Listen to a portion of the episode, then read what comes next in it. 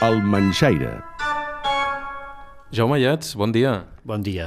Nova edició del Manxaire. Avui parlem de, com ho diríem, de treballar fent música, cantant i tocant? Sí, eh, treballar cantant i fent servir d'instrument eh, un instrument no gaire habitual, que és una taula. Una taula que pot servir de lloc de treball i a la vegada és el mateix instrument per acompanyar la percussió tot cantant. A veure, ens portes eh, cap al nord d'Europa i una mica en direcció oest, oi? Sí, realment, quan ho fèiem els meus estudiants, els hi feia una mica eh, l'aventura d'endevinar el que sentien d'on venia. Eh, per tant, potser us proposo començar escoltant. Re, uns segons de això sí, per les orelles, que no és, no és una música habitual, és més aviat és una música poc eh, acostumada a, a la sintonia de Catalunya Música, i alguns anys enre, enrere proposava als meus estudiants que imaginessin d'on podia ser això que ara sentireu. Soro, huca, huca, Soro, huca, huca, molati, sinduha, cruam, Sukaria, sindu, koro, molati, sinduha, cruam, Soro, huca, huca, molat, mora, cheuruari, Sukaria, sindu, koro, molat, mora, cheuruari, Soro, huca, huca, Què és això que sona, Jaume? Eh, doncs això, els estudiants em deien, a veure, que venia de Nord-Amèrica, que semblaven indis de Nord-Amèrica, uns altres deien, no, no, no, eh, per l'escala que és una mena de pentatonisme, això deu venir d'Àsia, dels mongols o per allà, i a més a més unes veus que definien a vegades com a guturals, tirant a greus, eh, no acabaven d'aclarir si eren homes o dones, i a més a més una cosa ritmada i amb una percussió eh, que ho, ho va mantenint. Bé, deixem les especulacions i us explico que això ve d'Europa, de la nostra vella i tradicional Europa, i a més a més de l'Europa occidental. Ve eh, del nord d'Europa, que tal com eh, començaves avançant, i ve d'un racó, per això, molt especial. Aviam, situem-nos mirant el mapa, Escòcia, i a la part de l'oest d'Escòcia, penjant a l'Atlàntic.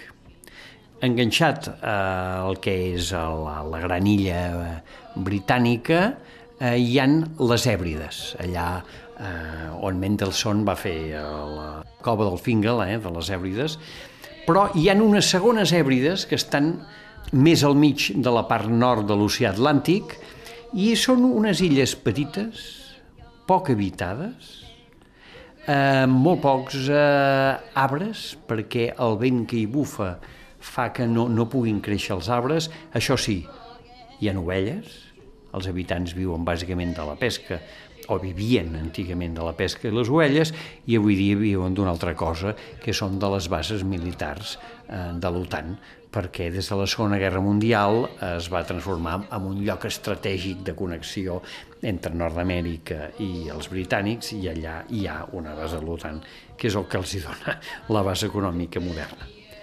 Molt bé, doncs situats aquí, qui canta i per què canta? L'illa concreta és l'illa que es diu Barra, l'illa de Barra, i canten una colla de dones tot fent una feina molt antiga. La feina és picar la roba. Quan la roba es feia a mà, el teixit havia d'agafar consistència, sobretot quan era de llana o així, i perquè agafés consistència i volum, eh, la roba es havia de picar. Es havia de, eh, de mullar i tenint la molla, picant-la, agafava aquesta consistència. Però es havia de picar, diguem-ne que molt. Això, a les nostres latituds, eh, des de temps molt antic, ho han fet els molins. Uns molins que molts, a diversos llocs de Catalunya es, es diu el molí del Noc o dels Nocs, n'hi ha, n'hi ha a Viladrau, n'hi ha a Igualada, n'hi ha a diferents llocs, i que a altres llocs és simplement el molí bataner o el molí draper, perquè és amb dues grans masses anaven picant i la força de l'aigua feia picar. Ara bé, en llocs molt més pobres o que no hi podia haver molins, aquesta feina es transformava en una avorrida, dura, repetitiva feina humana, que era amb les mans o uns llocs amb els peus, es havia d'anar batent la roba fins que agafava la consistència desitjada. A Escòcia aquesta feina era només femenina. Hi havia molta producció d'ovelles i per tant era una feina important, eh, però eh, només la podien fer dones, fins que l'Escòcia moderna ja el fan els molins moguts per les closes d'aigua.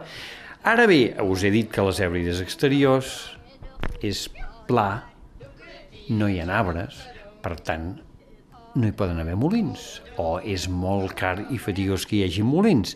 Per tant, en aquestes eh, illes que l'aigua eh, és just per veure, si volien fer-se la roba, ho havien de fer fent-ho a mà. I les dones ho feien tot una llarga tarda al voltant d'una llarga taula i amb la roba a molla se l'anaven passant amb una mena de ritme i arrossegades i feien un ritme que anaven picant.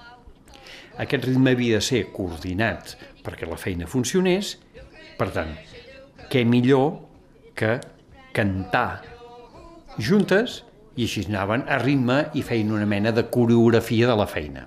I la feina es feia menys avorrida i menys llarga. Sobretot si el que es canta són llarguíssimes balades plenes de tragèdies, amors i desamors, en la qual les dones s'hi senten identificades i veuen les seves penes i expliquen els seus laments i expliquen els seus desitjos i la seva manera de veure el món. Per tant, com una mena de llarguíssimes cançons èpiques d'aquelles de l'antiguitat, com si tinguéssim aquí una odissea que pot durar tota la tarda. Sempre en llengua gaèlica, i per tant haureu notat, i si no ara tornes a, a posar la música, haureu notat els accents que on hi ha l'accent de la síl·laba és una nota breu seguida de llarga. Pa, pa, pa, pa, pa, pa. Eh? I això és molt típic de la prosòdia i de les eh, melodies de la família lingüística eh, gaèlica i així anar desgranant històries una rere l'altra. El CD que té portat, que és aquest uh, Walking Songs from Barra, eh, és un, un CD que eh, l'enregistrament es va fer a meitat dels anys 60. En realitat, des de la Segona Guerra Mundial, aquesta feina ja no la feien a, aquestes illes. Ja compraven els vestits i ja està. Però un investigador els hi va fer reviure a la meitat dels anys 60 les dones grans la feina que feien abans de la Segona Guerra Mundial, encara l'entreguerres, i la van refer per enregistrar aquest disc i és un dels poquíssims testimonis on se sent les veus, les veus d'aquestes dones amb aquest ritme tan animat i el ressonar del ritme de cops d'aquesta taula sonora eh, que era una taula especial. Eh? Els homes no podien entrar a la sala ni disturbar-les i així elles tenien la llibertat de cantar les seves històries, els seus sentiments, les seves preocupacions particulars. Una mica és com els cants de taverna, en els quals eh, sabem que es, eh, es picava i es portava el ritme sobre la taula cantant sardanes, habaneres o qualsevol repertori. El flamenco també ho fa amb alguns dels seus repertoris. Doncs aquí tenim un exemple de la part més septentrional d'Europa. De fet, és un gènere musical en si mateix, el de cantar i treballar, no? El cantar i treballar té 10.000 aspectes, a vegades més rítmics, a vegades menys, i és eh, interessant veure exemples com aquest que realment van omplir moltíssimes hores de la vida d'una gent molt pobra i que havia de treballar molt dur per eh, tirar endavant. Jaume Ayats, una vegada més, moltíssimes gràcies. Fins la propera. A reveure. La culpa és del Manxaire.